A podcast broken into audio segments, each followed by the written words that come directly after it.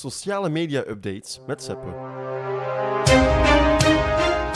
Pauzeer binnenkort opnames van spraakberichten. WhatsApp werkt aan een functie om spraakberichten te pauzeren. Nu moeten gebruikers nog een spraakbericht in één keer uitspreken of een tweede spraakbericht maken als ze even een pauze willen nemen.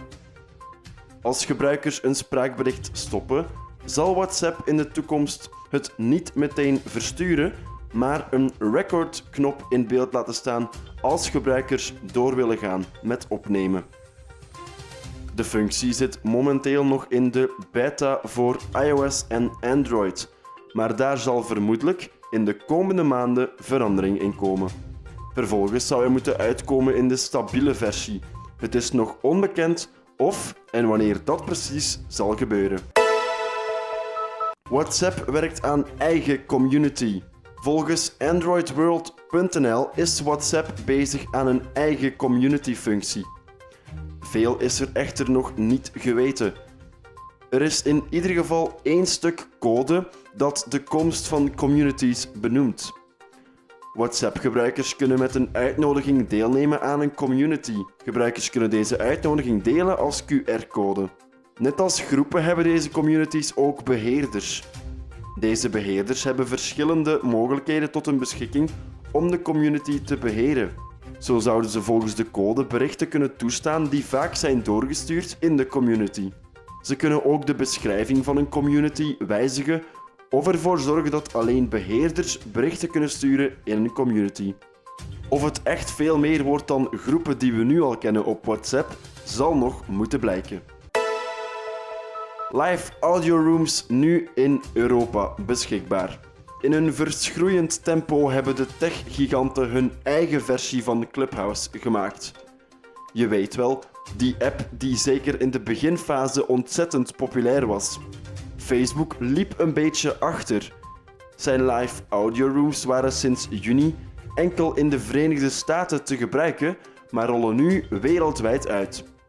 Met live audio rooms kunnen publieke personen en creators een audiogesprek starten. Per kamer mogen maximaal 50 mensen spreken en een onbeperkt aantal mensen luisteren.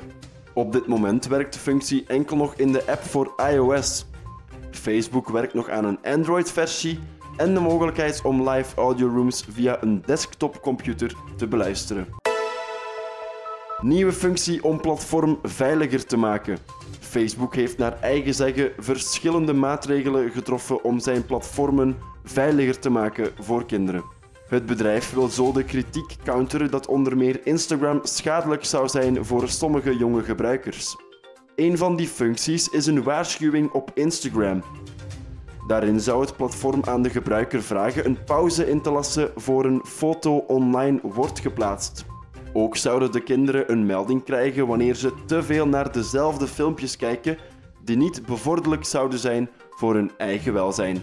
Op Facebook zouden gebruikers dan weer meer te zien krijgen van hun eigen kring, vrienden, familie en minder politieke boodschappen.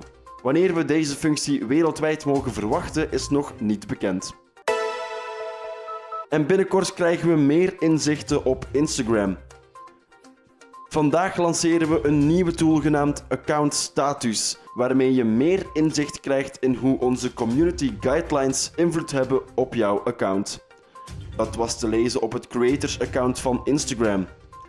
Je kunt deze tool gebruiken om te leren wat je mag posten op Instagram, maar ook wat je kunt doen als je post tegen de richtlijnen van Instagram ingaat. Je kunt deze tool binnenkort inschakelen via de instellingen. Je klikt dan door naar account en verder naar account status. Wanneer we deze update officieel mogen verwachten is nog niet bekend.